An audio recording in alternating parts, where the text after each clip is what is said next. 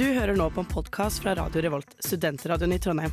Du kan sjekke ut flere av våre programmer på radiorevolt.no, eller der du finner podkast. God lytting!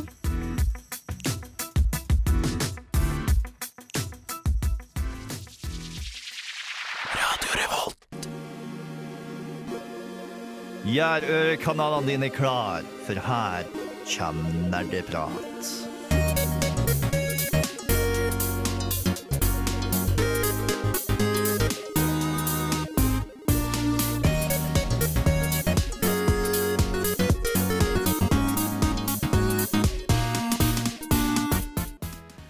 Hei og hjertelig velkommen tilbake til en ny episode med Nerdeprat. Vi er tilbake i studio, eller i hvert fall Ja, Du er jeg tilbake er tilbake i studio. studio. Bård uh, har egentlig ikke gått noe sted. Han har Nei. vært her helt siden forrige uke, faktisk. Um, forrige uke så hadde jo Bård sending helt alene, stakkars. Jeg er tilbake. Jeg er litt over eksamenskjøret, Så bra. som er veldig fint. Mitt navn er Håkon, forresten. Jeg er programleder. programleder. Mitt navn er Bård, jeg er tekniker. Bård er tekniker. I dag så skal vi ha en eh, litt sånn lavterskelsending, kan man si. Men vi skal, eh, og vi skal også kalle det en aktualitetssending. En, en svær pakka nyhetsaktig sending. Det er veldig mye som har skjedd, til eh, motsetning til liksom alle andre uker hvor det skjer ganske lite. Ja, veldig, veldig tettpakka. Um, så Og det, ja, vi vil jo naturligvis snakke om det, da. Um, så, så, så, så, dette, så denne sendingen skal det altså være at vi, vi setter alt dette i lys. Alt dette i lys. Vi skal snakke om absolutt alt, eller mye av det, i hvert fall. Ja. Det vi syns er mest interessant. Men først så skal vi jo selvsagt snakke om hva vi har gjort siden sist. Og det skal vi gjøre etter vi har hørt en liten låt. Vi skal høre Run Hun av Juno her på Nerdeprat. Å, helvete! Jeg må forte meg! Det er en ny episode av Nerdeprat.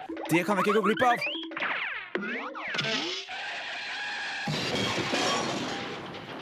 Vi snakker om hva vi har gjort siden sist. Jeg kan eh, starte med dette, siden jeg ikke har vært her på en stund. Da tenker dere sikkert oi, shit, Håkon, nå har du sikkert fått tid til å spille masse! Masse kult og nytt og fett! Du har sikkert gjort eksamen. Eh, og ja, så, så, ja, nettopp. Ja. Jeg har gjort eksamen, så svaret er både ja og nei. Ehm, jeg, har spilt, eh, jeg har fått spilt en del, vil jeg si, men eh, for at jeg ikke har vært her på to uker, kunne jeg spilt mer. Om det ikke Ja. hadde vært for eksamen, da. Men man, man må jo nesten prioritere studiene sine. Det, det er lurt. Når det tross alt er det som også avgjør fremtiden min. Ja. Eller i hvert fall ja, Det kan diskuteres at det er det som avgjør fremtiden min. Jeg, jeg tror det holder Altså, I mange yrker så holder det at det står, Håkon. Ja. Mm. Det, det tror jeg også. Men uansett, vi skal snakke om hva, eh, noe annet, noe litt mer spennende enn eksamen. Først så kan jeg si at jeg har spilt mer God of War Ragnarok. Ja. Og det er eh, fortsatt veldig bra. Um, jeg har eh, gjort uh, det, Dette var med også i God of War 2018. I det, det, det siste jeg gjorde, var å gjøre Surt sine combat trials. Um, okay, Kan du forklare for en som ikke har spilt noen av spillene? det, er, det er rett og slett um, du, går et, du går til en slags arena, og så Mhm. får du liksom en spesifikk krav som liksom Klar denne kampen her uten å ta skade, eller klar denne kampen her innen spesifikt tidspunkt, okay. eller Klar denne kampen eh, her eh, mens du holder alle fiendene ut av ringen, sånn type ting. Men um, blir du begrenset i hvordan type våpen eller uh, Nei. liksom Nei. Men uh, det er bare utrolig intenst, og Ja. det er jo selvsagt avhengig av hva man gjør, så vil det jo være enkelte våpen som er bedre for enkelte situasjoner. Og det var virkelig der hvor jeg merket på en måte begrensningene til God of Wars in combat, samtidig som jeg merket uh, hvor spennende det er. Mm. Fordi det var utrolig frustrerende eh, når det var liksom du, du sitter fast i et rom med ti andre fiender, og du kan kun se foran deg, du kan ikke se bak deg. Um, så når du skal snu deg for å angripe dem, det, det, det, er alt for mange, det var altfor mange fiender der samtidig. Og det føltes ut som at jeg ble cornera og liksom ikke kunne gjøre noe som helst veldig ofte. Så jeg måtte spille overdrevent forsiktig, men det var jo også veldig gøy. Fordi Ja. combaten generelt er veldig morsom. Men er dette noe som skalerer til deg, altså sånn at du er cirka på riktig styrke, eller må du liksom vente til slutt for å være sterk nok til å faktisk klare det? var, det er jo kanskje en, en av de større klagene med det nye God of War. Det er jo at det har på en måte RPG-elementer. Ved at du liksom Avhengig av hva slags equipment du har, så får du en type power level. Så klart. Men jeg, har, eh, jeg var ganske sikker på at jeg var på riktig power level for det, fordi jeg klarte det jo. Mm. Og, og du kan også se på livbarene til fiendene hvilken farge de har. Em, og det indikerer også om du er sterk nok for dette eller ikke. Grønn betyr at de er svakere enn deg, gul betyr at de er like sterke som deg. Og jeg møtte ikke på noen fiender som var over gul. Nei. Som vil si at det var ment det, men det var også bare Jeg tror ikke God of War eh, er beregnet for at du skal slåss mot eh, ti fiender samtidig, mens du må liksom micromanage en hel haug med andre ting. Men allikevel så har de lagt det inn. Hæ? Allikevel så har de lagt det inn i Allikevel spillet. har de lagt det inn. Ehm, det var helt greit. Ja. Jeg har også spilt mer Pokémon. Så klart. Hva, Som, eh, har du noe mer å si om det? Jeg vet ikke om jeg kan eh, Altså, det er fortsatt, det er fortsatt gøy. Det, det, Men er det et Pokémon-spill du kan returnere til? Eller, eh, fordi det er vel noen klassikere som man ofte Min- kan finne på å returnere til? Ja, fordi nå som jeg har spilt gjennom spillet ordentlig Jeg, har, eh, jeg tror jeg har ca. én time igjen av hovedhistorien. Ehm, Så kan jeg også si at uh, dette spillet er er fake open world. I og med at du kan gå hvor du vil, når du vil. Men hvis du går til siste gym, så kommer den gymmen til å ha level 50 Pokémon. Ja. mens du har level 20.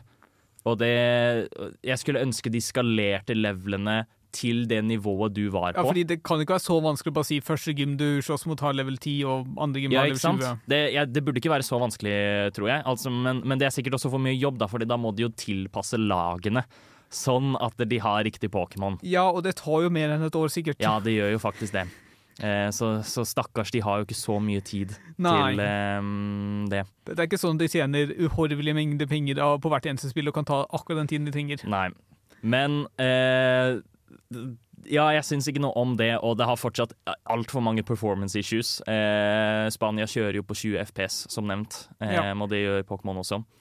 Eh, Men tror du de kommer til å fikse det? Altså Hvis du ser basert på liksom tidligere spill. de har faktisk sagt at de har tenkt til å patche og fikse spillet fortløpende, Um, etter hvert som det kommer flere oppdateringer. Vi får se hvor effektivt det blir. Men ja, hvor, hvor lenge kan de gjøre det før de må starte på neste Pokémon-spill? Det er et godt spørsmål.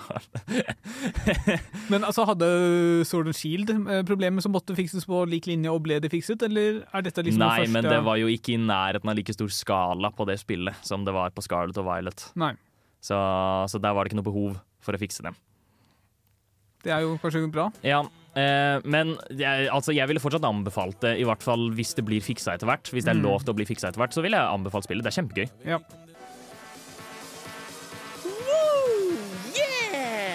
Hvor er det du går hen, da? Festen er ikke over ennå, du hører jo fortsatt på nerdeprat! Woo! Vi fortsetter siden sist. Jeg har faktisk mer ting å komme med. Um, det aller første jeg kan si, er at jeg har spilt League. Så klart. Jeg har syndet. Um, Men, men er, hvordan er det akkurat nå? Akkurat nå så er spillet fullstendig ødelagt, vil jeg si, faktisk. Okay. Um, og det er fordi preseason har skjedd. Preseason så endrer eh, Riot veldig mange aspekter av spillet for å holde det ferskt, men også for å gjøre liksom Ja, kanskje se på ting som er litt lacking okay. med spillet, og fikse det, på en måte. Sånn som nå har de gjort uh, jungling mer tilgjengelig og liksom lettere å gjøre. Altså, Gjør de ikke endring med jungling sånn annenhver gang? Jo, men uh, jeg tror de har gjort en endring som faktisk kommer til å gjøre det lettere okay. nå. Um, det, det er fordi det, det virker som de liksom I starten så var det utrolig vanskelig, og så ble det litt lettere når du fikk liksom egne gjenstander for det. Ja. Og så har de kanskje gjort det nå litt vanskeligere, og nå skal det bli lettere igjen. ja, men det var um, det, det er rett og slett fordi uh, jungling er den mest krevende rollen i spillene. Ja. Og det er um, Det skremmer vekk veldig mange folk, så folk har jo ikke lyst til å spille det. Så derfor fikser de det. Men viktigere enn det, det som angår meg, fordi jeg spiller jo bare Aram, Så klart. Ehm, all random, all mid, um, er at de har endret på items og lagt til nye items. Hvor de blant annet har lagt til noen helt absolutt busted tank-items. Det har blitt en tank-meta nå. Altså, øh, det at man tåler veldig mye, eller at man Ja, tåler veldig mye. Um, det, nye, det, det itemet som var størst problem da preseason startet, var vel et item som het Heart Steel. Okay. Hvor um, hvis du er i nærheten av en karakter i tre sekunder, og så slår du dem, så gjør du en svær burst med damage, og så får du max health. Um, og det, det, på, det hadde på en måte vært greit. Nå har de fiksa det, men i starten så var det sånn Du slo. eh, Du kunne plukke itemet opp til fem ganger per fight fordi det var per target. Ja. Um, som gjorde at ja, da fikk du plutselig 150 ekstra liv. Da. Det er 400 gull verdt. Ehm, og, så, og så gjør du det i tre fights, da, og da har du plutselig over 1000 liv. 1000 bonusliv har du fått fra dette itemet. Du kan ikke dø, og du gjør sykt mye damage fordi du har den burst-tingen på itemet ditt. Men hvis jeg husker riktig fra Fordi jeg, jeg følger ikke med på League sånn egentlig, men jeg får med meg av og til noen tråder på Reddit når de liksom blir store nok. Og det var litt klager, mener jeg husker, om at du tank ikke hadde noe å si tidligere. At du liksom du døde altfor fort uansett. Ja, ja men fordi tank eh, Tank-itemsa før var ikke så veldig bra. Nei. Men nå har de gjort de for bra.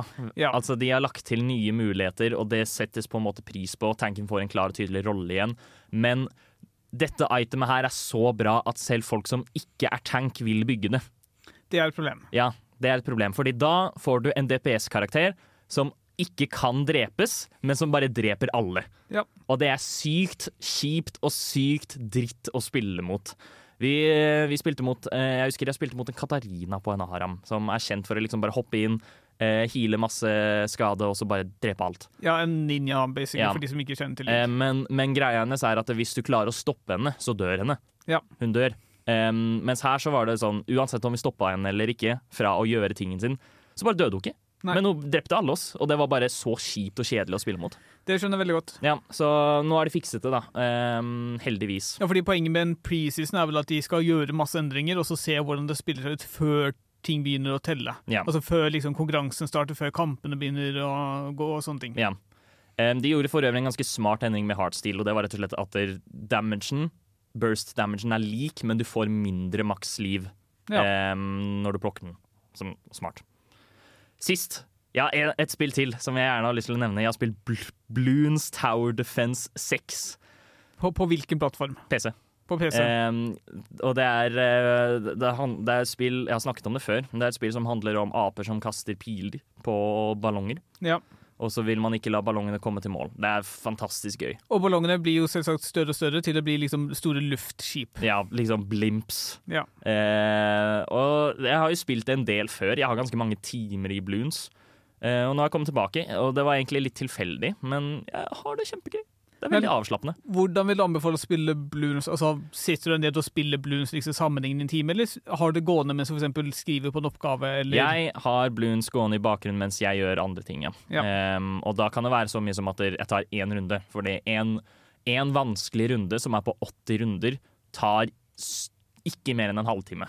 Og, det er, eh, og da tror jeg du skal være treg hvis det tar en halvtime. på en måte. Mm. Så i hvert fall nå når jeg har hatt litt fri, så har jeg spilt Bloons mens jeg har sett på ting i bakgrunnen. Jeg har sett på YouTube, for eksempel. Ja. Sett på piss der.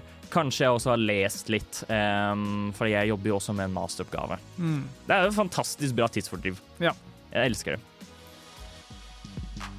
Ja, faen, du hører så jævlig på nerdeprat. Altså, det games, og det prates, og det nerdes, og det er litt.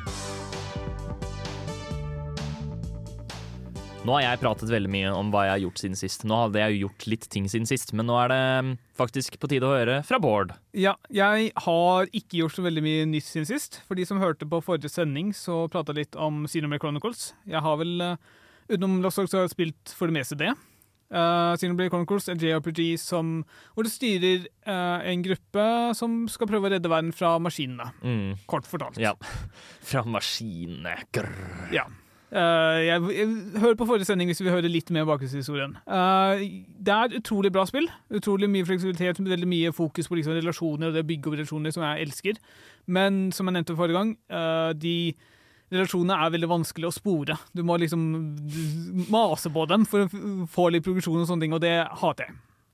Ja, altså, jeg har alltid også syntes den delen av Sinoblade har vært litt sånn upraktisk. Ja. Og i tillegg så er det en annen ting jeg merka også. Jeg har liksom jeg øh, forberedte meg til en stor kamp, og jeg tenkte ok, la meg gjøre litt småoppdrag og level opp og sånne ting. Og så finner jeg et oppdrag, så sporer jeg det, og så går jeg dit der, og så bare ser jeg en, en level 70-ting. Forsvare den ene gjenstanden jeg skal plukke opp. Hvorfor kan Fordi de har veldig bra system hvor de kan liksom se Er de røde, så er de farlige. Er de øh, blå, så er de litt svakere. Sånne brune tror jeg er et samme Mm. nivå. Hvorfor kan de ikke ha det på oppdrag? Hvorfor kan ikke jeg få beskjed før jeg i gårde at dette oppdraget er altfor vanskelig for deg? Ja, men Det er mest sannsynlig at hvis du har fått et oppdrag så tidlig i spillet, så er det en vei rundt. sikkert. Jeg tror jeg vet hvilket, uh, hvilken fiende du tenker på. Det er to forskjellige, faktisk. Ja, men OK Um, det, er, det er en vei rundt, Ja. er det jeg kan si. Man må Helt bare sikkert. utforske litt.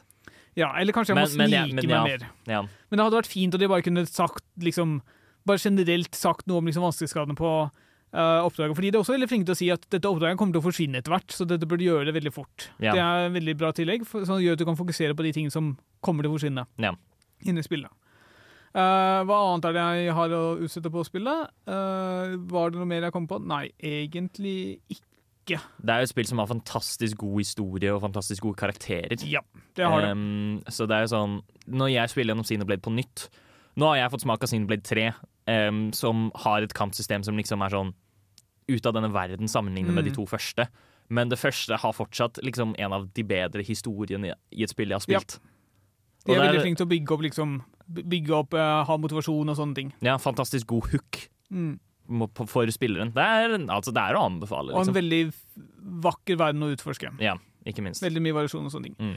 Eh, I tillegg har jeg kommet meg forbi det jævla øyet i Skyward For de som ikke hørte forrige sending. Jeg var låst på et øye som eh, så på ting som var uh, Hva skal jeg si eh, spisse. Så jeg tenkte ja, la meg skyte det med spurten min. Nei, det fungerte ikke. Da lukka det seg. Det jeg måtte gjøre, er å eh, si, bevege sverdet mitt rundt en sirkel, sånn at det ble svimmel. Mm. Fordi det, det er sånn som alle Zelda-spill har gjort før noensinne. Nei.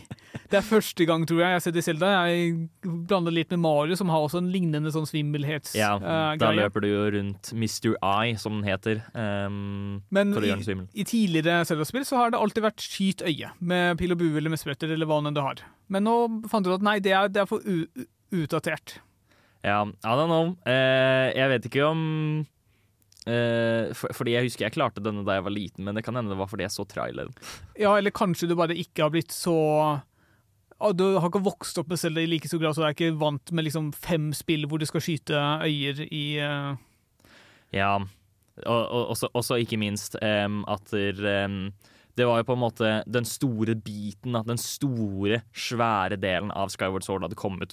Wow, sjekk så sjuke motion controls dette Ja. spillet har! Wow, du har aldri sett noe lignende. Uh, første bossen bruker også de til en litt frustrerende grad. Jeg uh, stoppa å spille da, og så gikk jeg tilbake til Xenoblade. Jeg skal nok tilbake dit, men ja. Du, du må gjøre noe fekting og sånt som ikke er fekting, og bare masse Ja. Litt frustrerende. Uh, til slutt så kan jeg fortelle noe som skjedde i natt. Jeg eh, drepte en eh, boss i Lost Ark med tre andre venner. Vi klarte det uten å dø for første gang som var veldig kult. Eh, det tok oss kanskje en halvtime, sånt, som er mindre enn det som er forventet. Men eh, så var det en som ble, fikk PC-en sin krasjetid fem minutter før vi var ferdig, kanskje. eller sånt. Så det telte ikke i spillet, men det teller i våre hjerter. Det, får, du, får du noe spes for å gjøre det? Ja, du får en statue eller noe sånt. Å ja, å ja, da er det men kjedelig. neste Ja. uke Altså, de har så mange uker å gjøre det til, Ja. det kommer til å gå fint. Det er i hvert fall veldig imponerende, fordi jeg så klipp av den kampen, og det er jo helt ekstremt. Ja. Helt ekstremt, faktisk. Åh, jeg elsker League of Legends. Det er så mange fine skins. Hva syns du om League of Legends? Hva faen er det du snakker om? På 30-tallet ble kidsa radikalisert av fascisme. Nå blir de bare radikalisert av League of Legends! Nerdprat gir deg den harde sannheten. Det er kun på Nerdprat hvor du får servert den harde sannheten. Vi har startet vår eh, del, um, vår um, aktualitetsdel. Vi skal snakke om nyhetene, alt som har skjedd i den vidstrakte videospill-nerdeverdenen eh, i det siste. Vi starter selvsagt med den store skuffelsen, um, og her kommer den harde sannheten. Og det må du nesten akseptere, og det er at der, The Callisto Protocol er ikke et bra spill. Men er det bare Er det dømt til å alltid være dårlig, eller er det et håp? Jeg tror, av det jeg har forstått, um, så, så er det ikke uh, Det finnes et uh, OK skrekkspill inni der, men det veies ned av veldig mange dårlige valg OK. de har gjort. Ja, fordi jeg har hovedsakelig hørt om midtidesproblemer. Ja. Og det var det, jeg, det jeg satte. Og det er ting som kan fikses. Men etter å prate med deg, så er det vel noen andre problemer også. Ja, fordi eh, jeg har ikke sett eh, Jeg fikk ikke se så mye gameplay før det egentlig ble lansert. Jeg tror de har vært litt sparsommelig på hva de ønsket å vise av spillet. Kanskje med god grunn. Kanskje med god grunn, men det er, fordi, det er også det som er tingen med Callisto Protocol. Det er at den hadde veldig mange røde varsellamper overalt. Em, som for eksempel at de, var i hvert fall veldig skrytete da, av hvor high-tech, og de var sånn at det her er fremtiden av survival horror som du kjenner den. Og uh, akkurat som i Dead Space så har vi jævlig mange kule dødsanimasjoner, og spillet er sykt pent, og så snakket de egentlig ikke noe særlig om det andre i spillet. Um, og det er jo eh, et simpelt svar på hvorfor. Det er fordi det her er et Spillet har større fokus på melee, da. Ja. Um, hvor gameplay-loopen, som de fleste sier, går i at du slår noen, og så dodger du til venstre, og så dodger du til høyre, og så slår du dem to ganger, og så dodger du til venstre, og så dodger du til høyre. Er det, er det sant? Eh, stort sett. Du kan jo selvsagt oppgradere sti, altså liksom våpen og ting, og du får noen skytevåpen, men de gjør basically ingenting. Um, Men, men hvorfor? Hvorfor Hvem trodde dette var en god idé? Det vet jeg ikke, og det er et godt spørsmål. Så um, jeg syns det er veldig rart at folk er sånn um, Fordi det er veldig Det, det er utrolig stor splittelse om uh, spillet på internett nå. Uh, og det er de som syns at denne gameplay-loopen er sykt kjedelig. Og så er det de som er sånn Ja, spillet er akkurat som Dead Space. Um, og det er sånn, men du ser jo det veldig tydelig på gameplay at det ikke er det. Ja, fordi jeg som ikke har spilt Dead Space, hva er de store forskjellene mellom Callisto Protocol og Dead Space? Um, det, de store forskjellene er at der, i Dead Space um, altså Det har veldig mye av den samme på en måte vibben til seg. Mm. Um, men samme stemningen, liksom? samme stemningen. Uh, og, og, og det er like skummelt, og det er grotesk og blodig og Mm. fælt. Og det er på en måte også liksom uh, den klassiske Resident Evil 4-kamera over skulderen-approachen.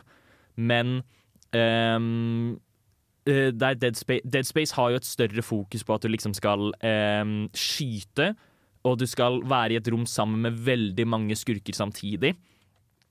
Og du skal også em, da fokusere på å skyte lemmene deres for å liksom eh, få kampen i din favør. Kanskje du liksom skyter av bena til noen sånn at de blir litt tregere, sånn at du kan deale med noen Ja. andre folk. Mm. Um, blir veldig mye micromanaging av sånne ting samtidig. Her vil du sjelden se mer enn jeg tror tre fiender av gangen. Og med en gang du slåss mot mer enn én fiende av gangen, så faller spillet sammen. tilsynelatende. Altså type blir altfor vanskelig, eller det fungerer ikke på Ja, lik det fungerer ikke på like måte, fordi lock, altså det er et lock-on-system som liksom også skal være muligheten for at du skal slåss melee. Og det er tydeligvis ganske ødelagt, um, og så blir det på en måte sånn ja, og derav blir det også atrocious når du liksom prøver å slå en, og så slår den annen, og så kanskje du prøver å slå en, og så slår de andre Ja. deg samtidig. Jeg mener jo at der, jeg tror ikke det skal være så dårlig som alle skal ha det til, men jeg syns fortsatt dette var et veldig rart designvalg av dem. Det, det høres ut som de ikke har testet dette ut for noen, Nei. før de em, kom altfor langt i utviklingsprosessen. Jeg har også sett ganske, go ja, ganske eh, mange klipp av liksom at de er i utrolig trange områder, og at slåssinga bare rett og slett ikke fungerer. Kameraet blir helt ødelagt, kameraet blir fucka, um, og ja, det bare fungerer ikke. Så det er sånn Jeg føler at et melee-fokus i combaten kunne fungert, men de måtte nok lagt inn veldig mye mer tid i det enn de gjorde. Ja. Og det var jo også Fordi det, det var også en annen ting, og det var at de lot ikke reviews komme ut før eh, spillet lanserte. Men det er jo også en Det er veldig stort flagg. Ja. Ehm, og jeg vet ikke. Det er, det er også veldig trist med tanke på at dette her er samme uh, Han som var sjefen for det her, er også han som har vært sjefen for Dead Space. Um, Men sikkert ikke samme team, da. sikkert ikke Nei, det er Eller jeg tror det er veldig mange fra Dead Space. Okay. Men at det, det er første gang de på en måte gjør det som et uavhengig studio. Um, og det fungerte det, det, det, Jeg har forstått det slik som at det er grunnlag for et veldig bra skrekkspill her. Ja. Og det er utrolig trist å se at det på en måte ble sånn som det ble. Fordi kanskje den aller største klagen til folk Fordi det er jo folk som liker combaten, og folk som ikke liker combaten, men alle er enige om at det, det som suger mest, er at det finnes null fiendevariasjon i spillet. Mm. Som er sånn Du møter en fiende, og så er stort sett det eneste den gjør, er å løpe mot deg og prøve å slå deg.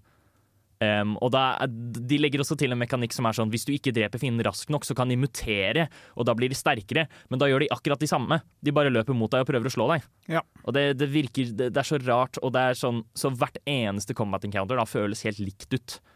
Jeg, jeg sitter og hører på dette du sier, og så bare tenker jeg det her gjør Resident Evil 2 så mye bedre på alle Ja. mulige fronter. Ja, men det er nettopp det. Dead Space også gjorde dette så mye bedre på alle mulige fronter. Fordi der også er det liksom sånn, Du møter jeg tror, fire forskjellige fiender i første kapittel av spillet i Dead Space 1. Mm. Um, som sier litt om hvor Ja, hvordan de fikk det til i starten. da.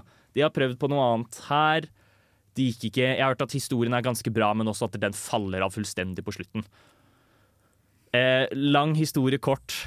Det er vel egentlig bare Kalisto Protocol lider av veldig mange problemer, men det er ikke et eh, superdårlig spill. Nei. Eh, jeg vil si vent og se hvordan de takler uh, perioden framover. Om det fikser det eller ikke. Og kjøp det på salg hvis det interesserer deg. Jeg vil tro at sånne spill som det her har tendenser til å gå på ganske kraftig salg ganske tidlig. Rett og slett Ja. fordi ja, det blir ikke godt mottatt. Mm. Og de vil jo at det skal selge likevel.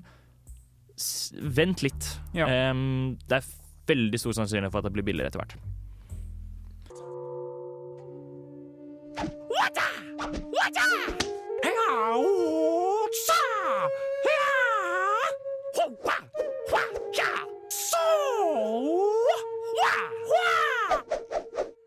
Nerdeprat. Nerdeprat er tilbake, og vi skal snakke om eh, mer drama, mer ting som har skjedd eh, innenfor eh, spillverdenen. Denne gangen er det den kompetitive scenen, og spesifikt Smash sin kompetitive scene. Ja. Ehm, vi skal snakke om eh, såkalte kans altså kanselleringen av Smash World Touren. ehm, som var vel arrangert av eh, Videogame Bootcamp, eller noe lignende. Jeg tror de het noe sånt. Vet du hvorfor det ble kansellert, de kom med en annonsering, eller de kom med en statement for uh, et par uh, Er det ja, en uke siden, kanskje? I slutten av november, tror Jeg jeg. tror eh, en uke siden. der de sa at eh, de hadde vært i diskusjon med at eh, liksom, Smash World Tour skulle bli en samarbeid At de skulle bli en partner da, sammen med Nintendo. En slags offisiell turnering. En, ja, en slags offisiell turnering som da skulle, ja, som de sier, World Tour. Denne skulle være over verden, liksom. Både i Mm. USA og Europa og lignende, på en måte. Plutselig så sa um, Nintendo at de ikke kunne samarbeide med dem lenger. Nei. Em, og at der, um, Og det, jeg tror, i hvert fall slik uh, Videogame Bootcamp formulerte det, så hadde også Nintendo formulert det på en sånn måte som virket som at de ikke ville ha muligheten til å arrangere turneringen i 2023 heller. OK. Em, og mye av det um, Det har i hvert fall vært veldig mye spekulering og sånt rundt hva som kan være årsaken til at Nintendo plutselig ombestemte seg, fordi Videogame Bootcamp hevder at de har vært i veldig god kommunikasjon med Nintendo, at de har vært veldig optimistisk til tanken. Og så skjer plutselig denne endringen her. Um, og derav har det også skjedd, eh, skjedd mye toxic eh, drama, eh, ryktespredning og slikt. Så klart. Det gjør du alltid. Um, og da særlig rundt Panda Global, som også er um, en partner med Nintendo. Og som er veldig veldig kjent innenfor Smash-scenen. Er det den eneste partneren som arrangerer Smash-turneringer? Jeg, jeg, jeg tror det, faktisk. Ja. Um, og da har det på en måte vært uh, Videogame Bootcamp har i hvert fall kommet ut i denne samme statementen og sagt at der, eh, Panda Globals CEO, Allen, var det den het? Ja, det tror jeg. Um, har kommet med trusler og vært sånn uh, at dere vil ikke få ha denne turneringen på slutten av uh, året. Eller dere vil ikke ha, få ha turneringen, den kommer til å bli avlyst, type ting. Um, kommer med harde trusler, da, og liksom er sånn ikke eh, Og så prøver de også å få folk fra eh, Smash World Tour, liksom eh, hva skal man si, stands og andre ting lignende, over til å bli med heller på Pandacupen, som er basically en lignende ting, da, men i USA. Ja. En større turnering. Um, og da sa de nei, og han trua med å slå ned dem også. Ja. Det er jo en veldig sunn måte å forholde seg til situasjonen på. Ja, så da er det også kommet litt spekulering om at Panda Global sin CEO har gitt et eller annet ultimatum eller gitt et eller annet krav til Nintendo som har ført til kanselleringen av Smash World Tour. Ja. Um, det er jo ikke sant, eller de hevder i hvert fall ikke det er sant. Ja. Um, ifølge Nintendo og ifølge Panda Global så er det eh, Videogame eh, Bootcamp sin avgjørelse selv at okay. turneringen ikke ble noe av. Okay. Det er jo selvsagt ord mot ord her når man på en måte legger det opp sånn, Um, men de mener også da at Eller Panda Global i hvert fall hevder at de ikke hadde noe med eh, Nintendos avgjørelse å gjøre. Men de har likevel av, liksom, fjernet CEO-en til Panda Global fordi han har oppført seg uakseptabelt overfor andre. Ja. Det er litt merkelig. Ja. Og så ser jeg jo andre nyheter om dette her, at uh, mange av de som arrangerer eh, pandaturneringen, uh, har nå sagt opp. Ja. Uh, 80 tror jeg det var. Og blant annet en av dem skriver at selv om de likte tiden sin der og mente at Panda på et tidspunkt ville eh, prøve å gjøre noe godt, så kunne de ikke lenger jobbe for det, det selskapet. ja. Som tyder på at det er Altså, hele Smash-miljøet er jo i harddisk. Altså, alle hater Panda nå, og Ja. kommer sikkert til å gjøre det for all evighet. Jeg tror altså Smash-scenen har òg generelt vært et ganske toxic miljø uh, egentlig de to siste årene. Um, og og det, det blir jo bare verre da, også på en måte når, pan- når dette skjer. Ja, fordi du vil jo ikke Altså, når du pr kanskje prøver å gjøre det stort, da, i for Smash, du vil ikke ha færre turneringer, du vil ikke ha mindre ting å gjøre på et Mm. årlig basis. Du vil jo ha så mange turneringer som mulig hvor du kan liksom reise rundt og treffe andre spillere og konkurrere på, liksom, mot andre og vinne premier. Mm. Så det å kansellere eh, en stor turnering er jo helt uh, skikkelig dumt. Ja, eh, det, Man kan jo også si litt om implikasjonene det har. da, At det, veldig mange Panda bestemmer seg for å slutte etter dette kommer til lys. Vi vet jo ikke 100 hva som er sant her, um, og hva som faktisk har skjedd bak kulissene. Men eh, ja. Det kan jo bare hende at de ikke har lyst til å jobbe for et hatet selskap lenger. Ja. Fordi det virker som hele Smash-miljøet hater dem. Det virker sånn. Um, men det er også Det her er jo også litt mer sånn Tilbake til også søkelyset på at Nintendo um, de, de har jo kommet ut og sagt at vi bryr oss faktisk om Smash-scenen og Smash-communityen og sånt, men de viser ikke noe tegn på det. Nei. Fordi um, de hevder jo her at det var Video Game Bootcamp som liksom sin fulle avgjørelse til at turneringen ble kansellert. Men de klarte eksempel De, de skulle gi noe sånn brev um, og signere en eller annen avtale med dem, eller noe sånt, som aldri skjedde. Og så plutselig ble det litt mer sånn avstand i kommunikasjon eh, med Video Game Bootcamp. I hvert fall i dem statement, da sier Ja. de det. Så det er, bare, det er veldig mange rare tegn som viser til at der, kommunikasjonen mellom dem har vært veldig rar. Mm. Og det er jo ikke en hemmelighet akkurat at Nintendo har vært ganske harde på å skjøtte ned turneringer før, og lignende. Ja, det mener jeg å huske. Så det- det er jo sånn Panda har vært kjipe. Nintendo har òg vært jævlig kjipe. Um, og det er veldig gøy at Nintendo ikke vil få noen konsekvenser av dette, fordi Å, men de lagde Mario! De Ja. lagde jo Mario og Zelda! Og Pokémon! Herregud, jeg elsker jo Pokémon! De er så bra spill! Nei. Det er kjempeleit, og det er Ja, bare Mm. fælt. Dagens sending av Nerdeprat er sponset av Raid Shadow Le... Ouch! Unnskyld! Unnskyld! Vi skal nå snakke litt om uh, Det her er det lenge siden vi har snakket om, faktisk. Veldig lenge siden vi har snakket om. Ja. Det er kortspillet Gwent. Hva er det for noe, Bård? Det er et kortspill som ble introdusert i Witcher 3, som kom ut i sånn 2014, tror jeg. Det var vel et minispill i Witcher 3 som ble stort nok til at det ble sitt eget spill. Ja, eller folk likte det godt nok, og så tror jeg det starter med Thronebreaker, eller kanskje Thronebreaker og Gwen kommer på ca. samtidig. Men ja, det, er, det var såpass godt implementert at de gjorde det til sitt eget spill. Mm. Og så har jo Gwent har eksistert som et separat kortspill ganske lenge, og har liksom fått noen endringer i forhold til hvordan det var originalt implementert. Mange vil nok eh, tenke at det var dødt, fordi hvem har pratet om Gwent de siste fem årene? Eh, de, de valgte jo faktisk å starte dette spillet selv om Heartstone hadde veldig godt fotfeste innenfor eh, scenen, og nå kommer de ut og sier at nei, de vil få begrenset støtte fra utviklerne i tiden framover. Som vil si Så vil si at det er et veldig lite team som vil liksom holde det bare gående, liksom type minimal innsats, bare for å Ja, det er vel cirka det de sier, at de skal gå over til et mer eh, hva skal jeg si, spillmiljøfokusert uh, fokus. Som, eh, altså jeg, jeg har ikke helt skjønt selv hva de skal gjøre det, men de kaller det internt Project Gwenfinity. Så jeg tror de bare skal liksom holde livet. Kanskje de har tre personer på det, som sammen med spillmiljøet rundt spillet har en, liksom en vei videre. da. Og at de kanskje lar spillmiljøet rundt hjelpe til å liksom, vet ikke, lage nye kort, eller finne ut hva som er veien videre. da. Ja, men også da i utgangspunktet egentlig bare gjøre sånn at spillet skal være tilgjengelig for de som fortsatt ønsker å spille Gwent. Ja. Som er eh, fint. Ja, Det ville fortsatt leve ut eh, 2023, men i 2024 vil det da gå over til fokus, altså det nye fokuset. da. Ja. Men altså, jeg skjønner dem jo godt, fordi uh, igjen, Gwent har ikke blitt snakka om på veldig veldig lenge. Av noen som helst. Nei, det har jo ikke Altså, det. selv jeg tror Legends of Runeterra har hatt mer anerkjennelse i det siste enn Gwent.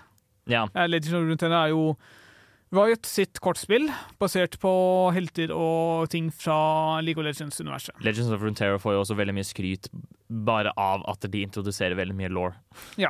Som, eh, som Men- hjelper, liksom. Også de har hva skal, Fordi Gwent er ganske annerledes Gwent er liksom en bland, et sted mellom Artifact, som var liksom en helt skandale, og så har du Heart, en slags midtpunkt mellom uh, Heartstone og Artifact, mens uh, Legend er igjen nærme Heartstone og Magic the Gathering. Mm. Så det er, liksom, det er litt mer tilnærmelig for nye spillere enn Gwent, som er ikke veldig vanskelig, men, van men se på, altså, skiller seg nok ut Ja, til det at det er en litt barriere. Ja, det er litt rarere, vil jeg si, enn Ja. de andre. Um, jeg husker jo Jeg husker jo da dere prøvde å forklare meg, Gwent. Det er jo noe av Det var veldig Hæ? forvirrende. Har du ikke spilt Witcher 3? Jeg har, ikke, s- nei, jeg har spilt Witcher 3, men jeg spilte aldri Gwent. Hæ? Hvor, Det, jeg syntes det var kjedelig. Men du må jo samle på kortene, og vi Ja, greit. Nei, Men- Men jeg, sk- jeg må jo si at jeg faktisk er veldig imponert over at de faktisk har holdt det gående såpass lenge. som de har jeg gjort. er ganske sikker på at det er mange spill som har holdt ut mye kortere enn uh, det Gwent har. Og i hvert fall sånn Ja, jeg vil jo, jeg vil jo ikke tro at der- de fleste spiller Gwent i all evighet, sånn som de sier at det er jo ikke så mange som snakker om det. Det var sånn, Jeg, jeg har heller ikke tenkt på Heartstone på veldig lenge, liksom, men jeg ser jo for meg at det også sikkert fortsatt kjører som vanlig. Ja, det får sånn tre utvidelser hvert år. Ja, ikke sant? Og det er fordi folk det, det er jo sånt aktuelt spill som folk vil spille i all evighet, ser jeg for meg. Ja, og de er liksom konge på haugen. Ja. Uh, og det gir dem stor fordel. uh, både fordi liksom World of Warcraft er en skikkelig stor uh, bransje, men også fordi Hearthstone er fryktelig godt implementert og er veldig likt Magic. Mm. Så alle de som spilte Magic, hopper over til Hearthstone. Så det er veldig, ja, nettopp. Så da er det veldig imponerende at de har klart å holde toget gående såpass lenge. Og spesielt at de har fått det til bare av et lite minispill fra Witcher 3, på en måte. Definitivt. Det er litt kjipt at det går under, men, eller mest sannsynlig kommer til å gå under, men det var gøy så lenge det varte. Ja. Og det er jo, altså, det er jo Antallet digitale kortspill nå er litt for stort, så det er liksom, det er ikke plass til dem alle. ja. Og Hardson er fortsatt konge på haugen. Det, det er nettopp det. Og det er um, Jeg vet ikke.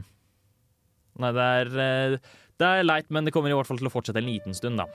Et år til. Ehm, selv om vi vet at det er, ehm, det er på vei, mot veis ende. Martin, gutten min, du må komme deg middag!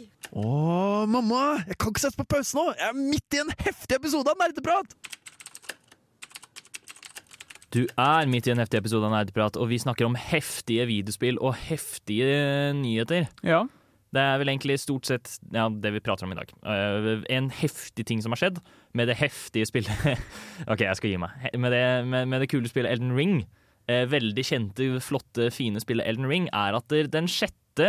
desember, altså for to dager siden, så kom From Software ut og sa Hei, dere vet de kolosseumene dere har sett rundt omkring i kartet på Elden Ring? Ja, de har en bruksområde, og det kommer ut i morgen. I Ja. morgen kommer Colosseum-DLC-en ut, som er gratis, da, naturligvis. Opp, eller Colosseum-oppdateringen, kan man vel da kalle det. Mm. Så um, folk har jo på en måte sett disse kolosseumene rundt omkring og lurt lenge på liksom, hva er egentlig hensikten med det, hvorfor er de her? Um, og så har jo datamining også latt folk se inni uh, kolosseumene og sånt, hvor det er ganske tydelig at dette på en måte skal være PVP-arenaer. Og det er det. Ja, fordi det, det var ikke så lenge siden de fant ut at de skulle begynne å skalere ting separat for eh, PVP og PVE. Ja, nettopp.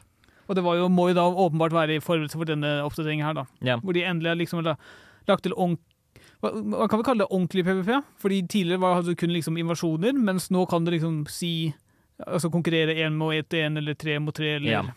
Um, fordi det er nettopp det. det er, de har gjort veldig mye gøy og interessant med denne PVP-modusen.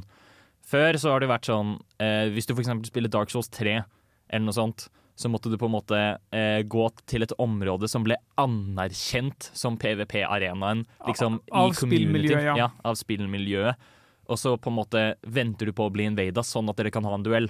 Ja. Um, eventuelt så er det en person som invader, da. Mm. Um, og så venter man. Um, og så har man en duell i det området. Men det, er, det har aldri vært et designert duellområde i noen av spillene. Fram til nå, hvor Colosseum har kommet. Vent, da. Er det ikke i Dark Souls 2 eller noe sånt hvor du har noe PVP-greier? Jo, det kan hende, faktisk, men det vet jeg ikke noe om. Alle har glemt Dark Souls 2. Jeg kan li veldig lite om Dark Souls 2. Jeg har spilt det, men jeg vet ikke, jeg kan ikke si, jeg kan ikke si noe om det, dessverre. Nei. Men eh, Elden Ring har da eh, litt forskjellige moduser av PVP, hvor du blant annet kan ta én mot én, vanlig. Og så er det også en større modus som er typ alle mot alle Battle Royale-aktig. Ok. Em, hvor en del spillere blir satt i arenaen samtidig. Og så slåss dere alle mot hverandre, og så skal én fiender igjen. Det var i hvert fall slik jeg tolket det. Um, og så er det da en til også som er eh, det samme, men med lag. At man har et lag av spillere som da slåss mot et annet lag av spillere, eller kanskje flere andre lag med spillere. Vet du noe om hvor store disse arenaene er? Nei. Fordi det må jo være det, hvis, hvis de er for små, så blir det jo bare kaos, hvor eh, du kan liksom treffe hva som helst så fort du svinger med noe. Ja, det er, men jeg vil tippe de er eh, store, på en måte. De ser jo veldig store ut om du går til dem, de kolosseumene. Men det er eh, altså En ting er at vi får også PVP, eh, en, liksom en offisiell PVP-modus, men nå at vi får så liksom gøye, tullete PVP-moduser i tillegg. Ja. Jeg, jeg hadde aldri trodd at jeg på en måte skulle likt å se Elden Ring med en Battle Royale-type modus. Her er det jo faktisk liksom Det er jo mer sånn Colosseum, eh, retro-Roma-stil, på en måte. Men det er jo effektivt Battle Royale. Én vinner, mange spillere. Men tror du de har klart å liksom forklare det narrativt også, eller er det bare trykk på en knapp her, og så er du inne? Det Jeg vet ikke. Nei. Men jeg, det, det kan hende, for de, de, de liker jo å gjøre det. Men jeg tror heller ikke det er så viktig. Nei, det Det kan, det kan jo bare være sånn Å, her drar de mektigste krigerne for å kjempe mot hverandre for gøy. Ja. Det er jo en simpel nok forklaring, det, på en måte. Ja, Spesielt når du er udødelig uansett, så Ja. trenger du ikke så mye mer forklaring. Ikke sant? Så det er jo Jeg, jeg, jeg vil tro det er en mulig, mulig løsning på det. Kommer du til å spille, da? Jeg er litt usikker. Jeg pleier som regel ikke å gå inn i PVP når jeg spiller Dark Souls-spill. Um, jeg liker å gå rundt med Embers og sånt, eksempel når jeg spilte Dark Souls 3. Um, fordi jeg syns det er gøy å bli invada. Mm. Ofte. Av og til blir jeg litt irritert, men uh, ofte så syns jeg det er gøy å bli invada. Jeg syns det er en veldig gøy, viktig del av opplevelsen. Men jeg har egentlig aldri vært noe særlig på PVP-fronten, men det kan hende jeg har lyst til å prøve dette. Jeg er Ja. litt overrasket over at det ikke kom tidligere, om jeg skal være helt ærlig. Ja, fordi spillet har jo vært ute i over et halvt år. Ja, siden februar har uh, spillet vært ute. Det var faktisk februar, da. Stemmer det. Uh, folk spilte Elden Ring mens de venta på noe som kom ut i februar, ja. Mm. Jepp. Ehm, så de, det overrasker meg at det tok så lang tid å fikse dette her. Um, og så er jeg bare mer spent på å se hva slags ny DLC vi kommer til å få etterpå. Ja, fordi folk spekulerer jo at det kommer en ny trailer til Game Awards, f.eks., Eller i hvert fall snart. Det hadde i hvert fall vært uh, et sted å annonsere det, Ja. tenker jeg. Vi har litt mer nyheter å melde. Denne gangen er det eh, Microsoft og Activision som er involvert. Det stemmer. Eh, over den siste uken, tror jeg det var, eller kanskje det var to uker siden, så kom det opp en artikkel på Reddit mens jeg så etter noe annet. Og da hadde Gaben eh, hva, hva heter han? Fulle navn. Gaben Newell? Ja, stemmer. Gaben har fornavn, ikke etternavn. Det Jeg, er Jeg aner ikke. jeg tror du har helt riktig. Ja. Uh, han, det var kommentert noe greier, fordi uh, visstnok så har Microsoft uh, annonsert at uh, selv om de kjøper Activision Uh, Hvis det faktisk går igjen, da. Det er jo ikke helt Ja, sikkert dette ennå. er jo ting som skjer, Folk faktisk. spekulerer jo i at det kanskje blir stoppet. Men hvis uh, de får kjøpt opp Activision, så har de ingen planer om å fjerne Call of Duty fra andre plattformer enn sin egen. Ja.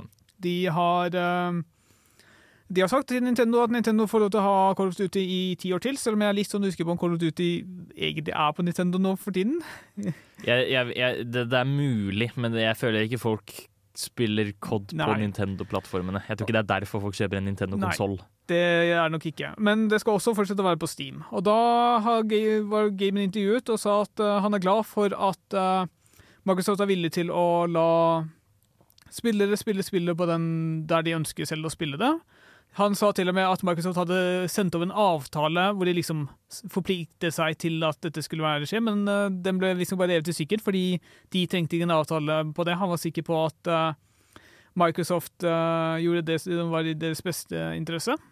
Og så hadde han lite stikk, hvor han sa noe om at uh, han hadde ikke tro på eksklusivitetsavtaler og lignende. Ja.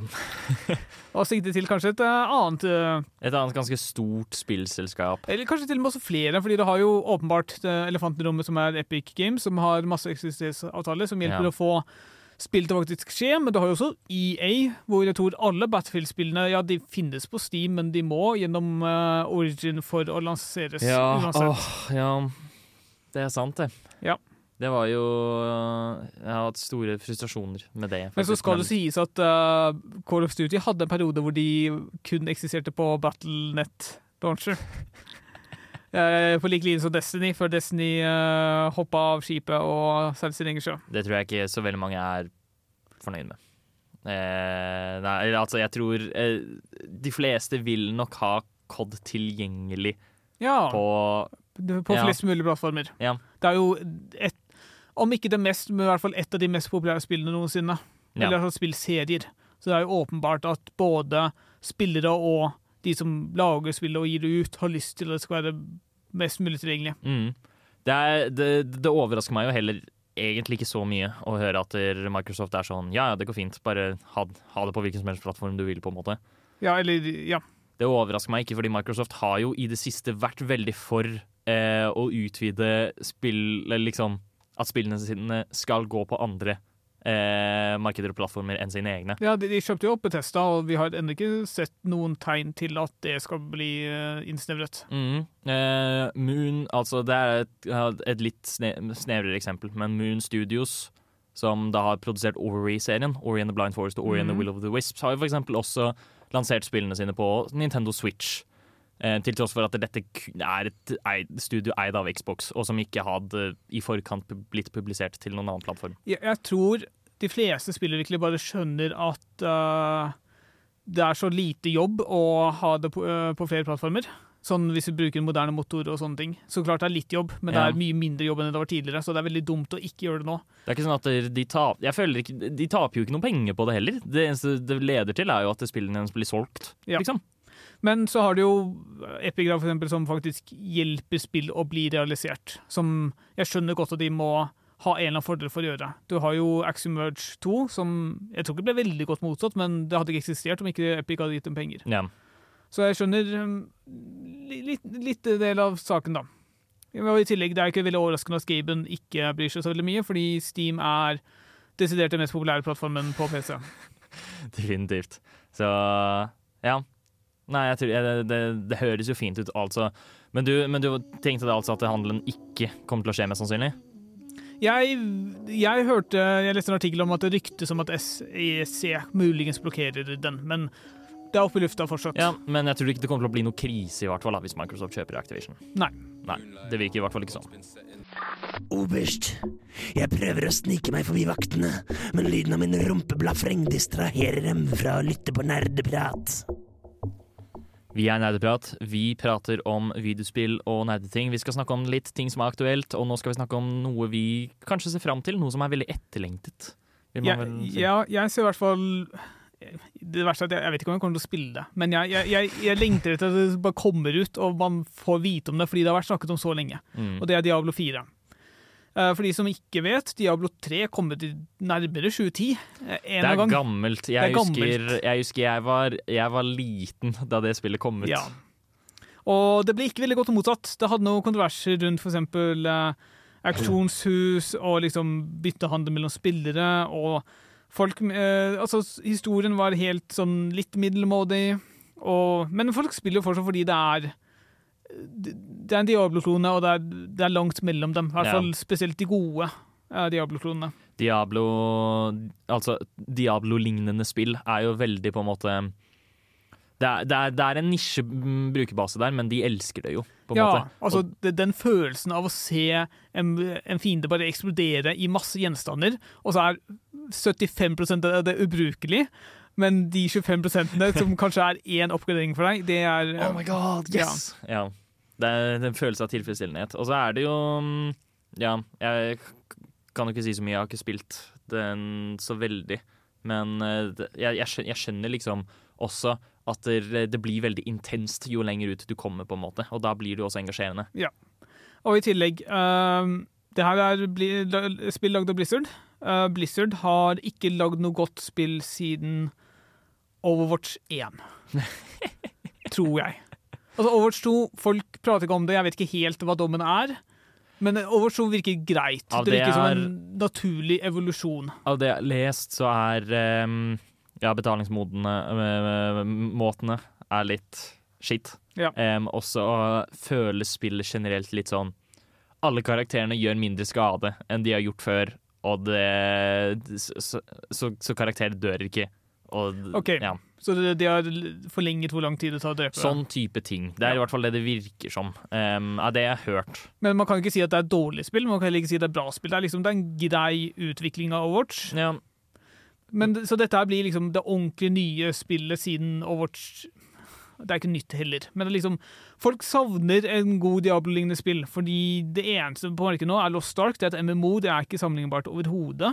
Eventuelt de som fortsatt spiller Path of Exile. Det er altfor mange som spiller Path of Exile. Ja, ikke sant? Men folk Jeg- hater også Path of Exile. Jeg spilte jo Path of Exile i kanskje en time, og jeg forsto ikke en drit. Nei. Og jeg kjedet meg så mye. Og da jeg også spurte min venn, som uh, shouta til Alec, um, som, og, og, som spiller Path of Exile ganske mye, eller har spilt, så var han sånn Ja, det er kjedelig de første ti timene, men det blir bra etter det, altså. Ja. Nei, men også, Hvis du spør Alex, så kan han også sikkert si hvor mange kontroversielle endringer Det verste er at selskapet bak heter Grinding Gear Games. Eh, hvor mange kontroversielle endringer Grinding Gear Games gjør bare fordi de tar en fingerluft og bare 'Det her ønsker jeg', og derfor skal jeg svinge det på hele spillmiljøet, selv om det er hatet over alle ting. De legger til masse eh, betalingsmåter. Altså ikke bare har de liksom De har jo sesonger med innhold og sånne ting, men også har de Det er bare så mye ting de, de vil at du skal kjøpe og bare spytte penger i spillet på, selv om det er gratis å spille. De ser internettet klikke, og de er sånn Dette gjelder ikke meg, for jeg kan ikke lese. Ja, Mm. ikke sant. Men øh, Og i tillegg øh, Hva skal jeg si? Uh, Excel har masse grunnleggende problemer, men fordi det er liksom det beste på markedet akkurat nå, så spiller folk det til tross. Folk har også et uh, håp om Last Epoch, men Last Epoch har hatt, er treigt. Det er liksom fortsatt tidlig tilgang. Det, er, det tar tid å liksom bli, komme, få et fotfeste, da. Mm. Så Diablo 4 er liksom det veldig mange folk nå lengter etter, at kanskje kan være redningen fra Perfect Exile-helvete. Og så blir det litt interessant å se om Blizzard har lært etter de feilene de gjorde med Diablo 3, og bare generelt hvordan er Blizzard som et spillselskap framover. Fordi Diablo 2-gjenskapingen var fantastisk. Ja. Altså, jeg, jeg spilte ikke selv, men jeg så på liksom videoer og folk spille det, og du kunne Altså, det var eh, Det det var et fantastisk pent spill. Altså, den, du kunne se den originale grafikken, og så kunne du trykke på en knapp, og så kunne du se den nye polerte grafikken, og det var utrolig bra. ja, jeg skjønner. Hva er egentlig statusen på Diablo 4 nå? Eh, d- grunnen til at vi snakker om det nå, er jo fordi uh, i går eller i forgårs år, sånn, så fikk de plutselig lov til å snakke om det. Så nå kan du se videoklipp og folk liksom prate om statusen nå på Diablo 4. Uh, lanseringsdatoen er i 2023 en gang. Jeg tror ikke den har blitt spikret noe mer konkret enn det. Men hvis du er interessert i å se på liksom spilling av eh, Diablo 4, eller bare folk prater om det, så finnes det mange videoer der ute. Jeg har ikke rukket å få se en eneste en av dem ennå, fordi jeg har vært opptatt siden i går, men de eksisterer. Ja. Det er jo godt å høre, og godt å høre at det kommer snart. Hvis du ønsker å bli kjent og varme opp med denne serien eventuelt, så er vel kanskje Diablo 2-gjenskapelsen et godt sted å starte. Ja. Og Ja. Diablo 3 er sikkert også billigstedet. Ja, Diablo 2 er vel det mest elskede innenfor Sjangeren. sjangeren, hvis man kan kalle det det. Um, men godt å høre at det, det, Diablo 4 er på vei. Nerdeprat på torsdag klokka fem nerdeprat. Nå skal vi snakke om eh, ja, vi kan kalle det litt ymse. da. Vi skal snakke om eh, litt forskjellige nye spill som nå er på i horisonten, og som vi kommer til å få høre mer om om ikke så lenge, vil jeg tro. Ja. Fordi um, Vi skal snakke mer om Game Awards senere, men enkelte av disse tinga vil jo f.eks. vises frem på Game Awards. Ja, det har allerede Um, blitt lekket at uh, Jedi Survivor Ja, Star Wars Jedi Survivor er på vei. Um, dette er da oppfølgeren til Jedi Fallen Order, som kom ut i 2019.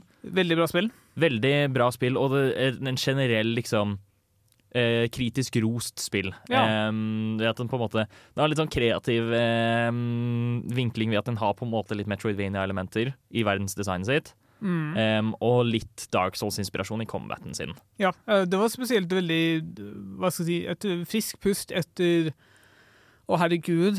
Det har jo ikke vært noe bra Star Wars-spill før det, siden liksom Force Unleashed. Og det er det tidlig 2010-tallet. Og det er også litt uh, under diskusjon om hvorvidt det er bra eller ikke. Jeg tror veldig mange liker det, men at det liksom ikke er perfekt. Ja, nei, det er, det er ikke perfekt, men det er type Altså, hva, hva har kommet ut etter Force Unleashed? Det er type Battlefield nu- null igjen, eller altså Ja. eh, Battlefield som egentlig er Battlefront? Nei, Ja. Battlefront, som egentlig er Battlefield. stemmer. Ja. Og det er sånn, jeg, jeg skjønner ikke hvordan man fucker opp det, på en måte. Nei. Fordi, ja. Men i hvert fall, da fikk vi et godt Star Wars-spill. Vi får mest sannsynlig et nytt godt Star Wars-spill. Eh, Jeg vil tippe 2023 en gang. ja. Jeg vet ikke om de har et dato ennå. Um, jeg lurer på om ryktene var rundt faktisk allerede i mars. OK. Um, så om ikke så lenge, uh, tror jeg det var snakk om. Men det kan hende at det bare er overdrevent, fordi jeg syntes det var eh, at det er voldsomt å annonsere spillet, og så kommer det ut ja, to måneder senere. Og det det gjør meg ingenting om det blir utsatt heller. Nei, ikke, ikke meg heller. Det er, eh, det er uansett veldig spennende. Jeg, jeg, ser, jeg ser fram til dette. Jeg håper, jeg håper det blir bra, og det har jeg tro på. En annen ting du sikkert ser fram til, er Street Fighter 6. Åh, om jeg gjør! Men vi har jo vi har null informasjon, tror jeg, utenom at uh, lanseringsdatoen har blitt lekket, og det er visstnok 0602. Så er spørsmålet er det 6. februar, eller er det 2.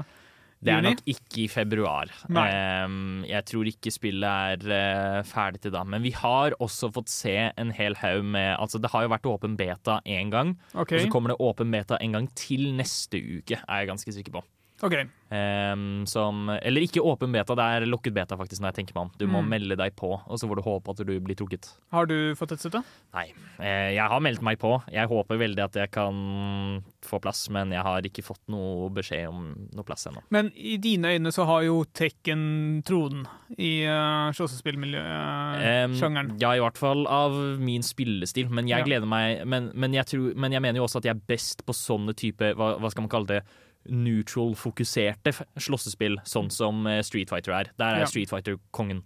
Um, hvor um, ja, og, og dette, spillet, dette nye spillet har en såpass interessant stil og liksom nye mekanikker til seg som ser utrolig friske og kule og gøye ut.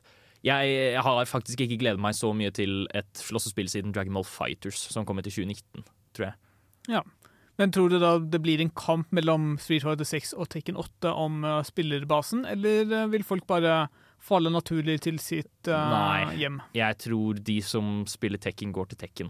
Um, og de som spiller Street Fighter, går til Street Fighter. Fordi Tekken er jo Selv om jeg syns det spillet er veldig gøy, og liker det veldig godt, så er det også utrolig overveldende og vanskelig å komme seg inn i. Det er jo et spill hvor hver eneste karakter har over 100 handlinger de kan gjøre. Men hva- snakker du om? Da jeg spilte Tekken 3 som barn, så bare trykka jeg på knappen, og så vant jeg. Jo da, men eh, hvis man skal være god og ekte eh, certified god i Tekken, så må man eh, Ja, da må man vite handlingene, og det er helt ekstremt. Fordi det er jo liksom Du har en kontring til hvert eneste move til hver eneste karakter. På en måte Mm. med hver eneste karakter. Det er så omfattende spill, så Street Fighter 6 er vel heller en anbefaling til de som på en måte Er litt ser nye. Ja. Eh, nye til slåssespill, men også ser etter liksom Jeg tror det er et spill som har en veldig fin blanding av kompleksitet og nybegynnervennlighet. Ja, Apropos, er, ikke, er det ikke et nytt Mortal Kombat-spill også på horisonten? Eller har den nylig kommet ut?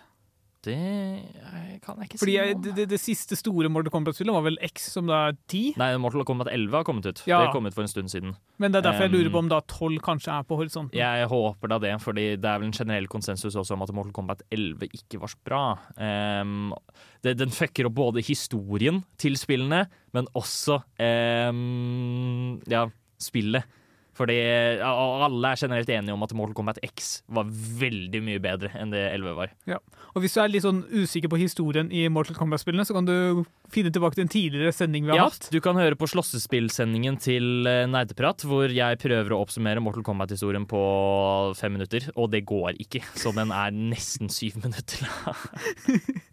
denne oppsummeringen. Men det er eh, noe, noe å se på. Det er vel egentlig Poenget er Nå var det jo to slåssespill her. Um, og det, det- det kommer jo andre ting og et. Souls-like. Poenget jeg skulle fremheve her, er jo at Håkon is eaten good neste år. Uh, det er jo bare spill som jeg gleder meg til, som vi har snakket om nå. Jeg ja, nei, veldig spent på det. Vi skal nå høre fra en mann som er veldig langt unna hva han syns om programmet Nerdeprat på Radio Revolt. Nerdeprat er veldig gøy! Vi snakker om nerdeting og dataspill! Sånt liker jeg! Nerdeprat er veldig gøy, og vi har det veldig gøy når vi snakker om videospill og dataspill, men noe som ikke er veldig gøy, som vi skal snakke om nå, det er Game Awards. Hva er Game Awards? Game Awards det kan vel best beskrives som eh, spillenes Oscar. Ja, på godt og vondt. Ja, på godt og vondt. Det er en svær prisutdeling hvor masse forskjellige spill er nominert i masse forskjellige kategorier. Og så får de pris. Noen går opp på scenen, holder en klein tale og vitser litt, og så gir de prisen til det spillet som har vunnet. Ja. Og så er det da på en måte stor oppbygning til liksom hvem har vunnet det beste spillet i år, ikke sant? Wow! Det er ehm, veldig spennende. Og folk tar det veldig seriøst.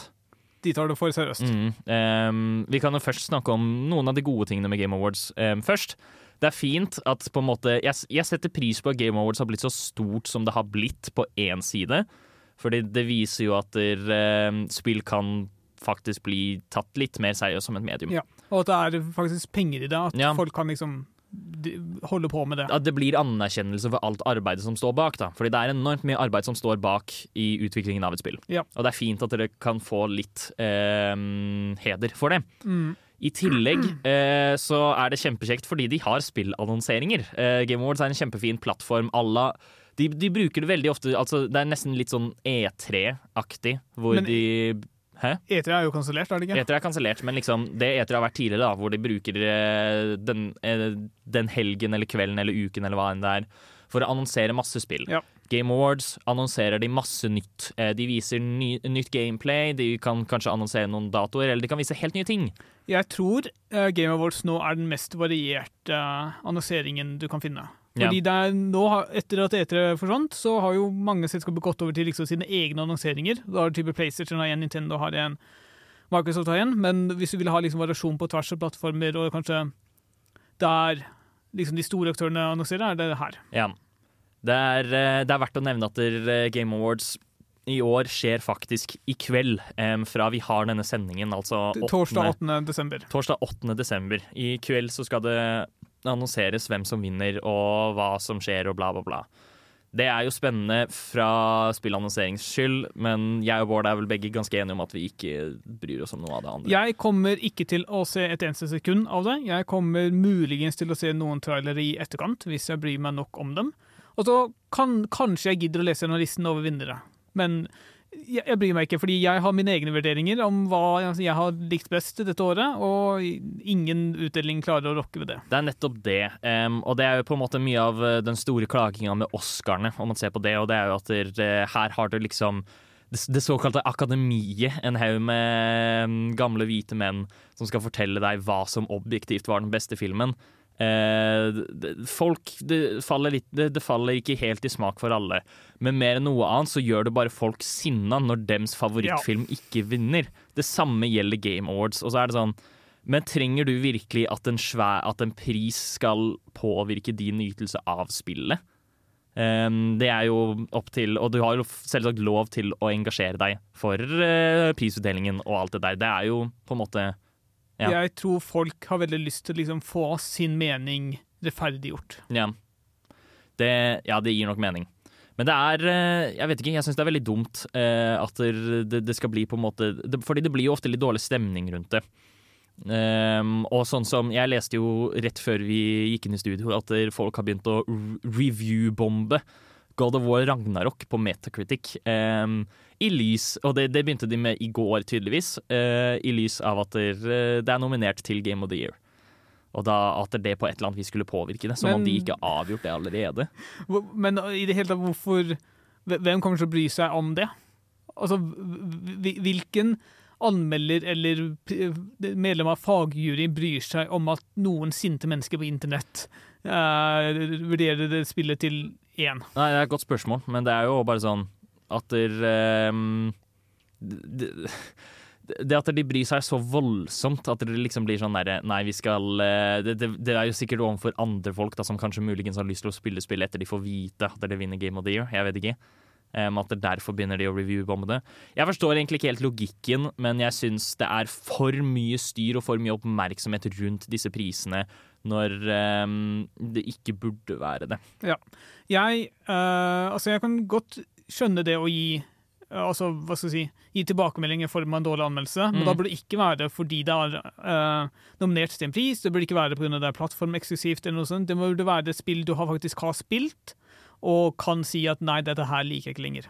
Metacritic skal også være um, Man kan jo også si det sånn at Metacritic er veldig kjent for at de gir et spill de ikke liker, uavhengig av hvilken grad de ikke likte det null.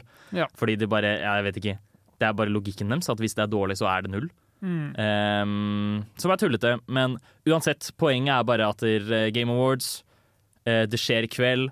Det har, fått, det har veldig mye hype rundt seg. Du, å, du får jo selvsagt lov til å nyte prisutdelingene om du vil, men uh, ikke ta deg nært Ja. av det hvis ditt favorittspill ikke vinner. Ikke det har ikke noe å si i det lange løp, fordi spillet ditt er fortsatt bra, selv om det ikke vant en pris.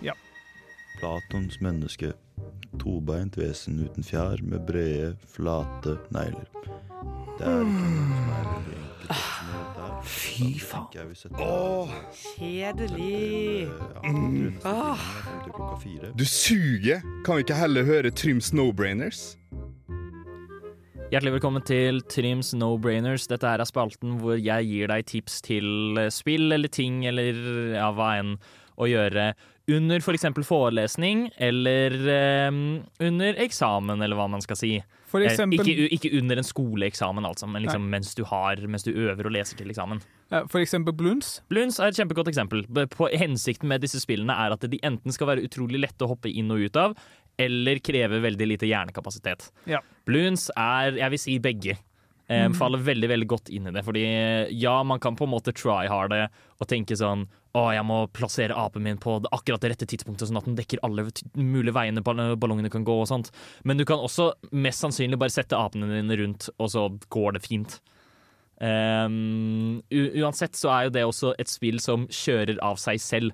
Det meste av spill du gjør, er at du planlegger hvor du skal plassere apene dine, og hvordan du skal oppgradere apene dine. Men hvis du er sterk nok, så kan du bare plassere tårnet, og så kan du bare la den kjøre og gå, og så skriver du kanskje et avsnitt på eksamen, og så kan du plassere nye tårn. Ja, fordi det er det jeg har uh, pleid å gjøre, da. Det er at jeg um, Det er jo så lett som å bare trykke space barn for å starte runden. Mm. Så når du da har fått satt opp et lite forsvar som kommer til å holde et par runder, så kan du bare trykke space en gang iblant, og så, og så fortsette spillet, liksom. Eh, sånn uten videre. Det er kjempefint, og en, en grei distraksjon å ha i bakgrunn hvis du på en måte kjenner at der, um, jeg, jeg, hodet mitt begynner å bli ørt. Mm. Har du noen andre forslag? Jeg har også lyst til å si en som jeg har brukt ganske mye tid på egentlig hele sommer, men også mer av uh, under forelesningene da, dette semesteret her, okay. når det ikke skjer så mye. Mine sveiper. Hva får deg til å spille minesveiper om sommeren, hvor du har masse fritid og Det er gøy, da! Ja, ja men no-brainers er ting du skal gjøre under en forelesning eller mens du jobber til eksamen. Gjorde du det i sommer? Eh, nei, nei, nei, nei. Men, men det er jo mer sånn at det er et spill som er utrolig lett å hoppe inn i. Ja. Um, fordi da var det sånn Hvis jeg hadde fem minutter, så kunne jeg bare kjøre gjennom et brett. på en måte OK. um, Da hadde jeg en app som var mindre minesveipe enn det en vanlig minesveipebrett vil være. Jeg skjønner. Ja, sånn at der, um, Og det var jo gøy, på en måte. Men jeg, men jeg syns også det fungerer kjempebra i forelesning og eksamen, Fordi da er det bare sånn Um, ja, La oss si du er litt lei av eksamenslesningen. Så kan du bare ta et kjapt brett minesveiper. Det krever jo en god del hjernekapasitet å spille Minesweeper, Mm. men um, du kan også men, men, men da kan du bruke Da kan du fokusere hjernekapasiteten din på noe annet enn eksamen. Det hjelper ofte. Og i tillegg at ja, det er jo bare en distrasjon, distrahering som du kan hoppe veldig lett inn i. Det er bare å kjøre det opp, gjøre det brett. Um, og hvis du feiler, eller hvis du kommer langt og så feiler du, eller noe sånt, kan du ta et kjapt nytt et, eller så kan du gå tilbake til å jobbe. Og så er det ikke katastrofe om du bare gjør det litt kjapt og ikke, altså, ikke bryr deg om du trykker på en bombe. Ja. Fordi altså, på visse tidspunkt så er det bare tilfeldigheter om du treffer riktig eller ikke. Ja, det er jo nettopp det. Um, fordi det er jo enkelte Når man kommer til et visst punkt i spillet, så blir det litt sånn gjetninger, men tidlig i spillet så vil man jo i hvert fall ehm, det, det, fin det er strategi, og det er på en måte man kan Det er logikk til Ja, det. Det er, eh, det er et veldig godt designet spill, og spill for de som liker å tenke. Mm. Um, men også særlig fordi det er en så lett distrahering. Um, og bare altså Ja, superenkelt å hoppe inn i. Jepp. Mm. Har, har du en? Uh, De fleste kortspill. Gwent for eksempel har sånn plukket opp i forelesningsbildet mens du halvveis følger med på foreleser. Ja. Det er, eh, ja, det, fordi det er også fint, fordi da er det sånn Da må du uansett sitte og vente på motstanderens tur. Da har du masse tid, tid til å sitte og vente. Det kan du også gjøre for eksamenslesningen din, faktisk. Det høres jo veldig optimalt ut, fordi mens de gjør sin tur, så kan du sette deg ned og lese eller skrive eller hva enn det er. Ja. ikke sant? Og når de er klare igjen, så hopper du inn. Det er kjempesmart. Der fikk du noen kjappe no-brainere fra oss. Nå skal du høre Lazy Queen med Option to Nothing. Da var vi ferdig for i dag. Vi har hatt en eh, lang, koselig aktualitetssending, Ja. om vi kan kalle det det. Det har jo skjedd ganske mye. Det er- andre spill vi også ikke har fått snakket om. Det er så mye vi kunne Ja, nevnt. hva, hva het det der? Dwarf Fortress, eller? eh? Ja, Dwarf Fortress er endelig ute på Steam. Hvis Ja. du liker Dreamworld, vil du bare ha enda mer kompleksitet og enda mer vanskelighetsgrad, så kan du sjekke det ut. Det er visstnok et veldig veldig bra spill for de som liker den type spill. Mm.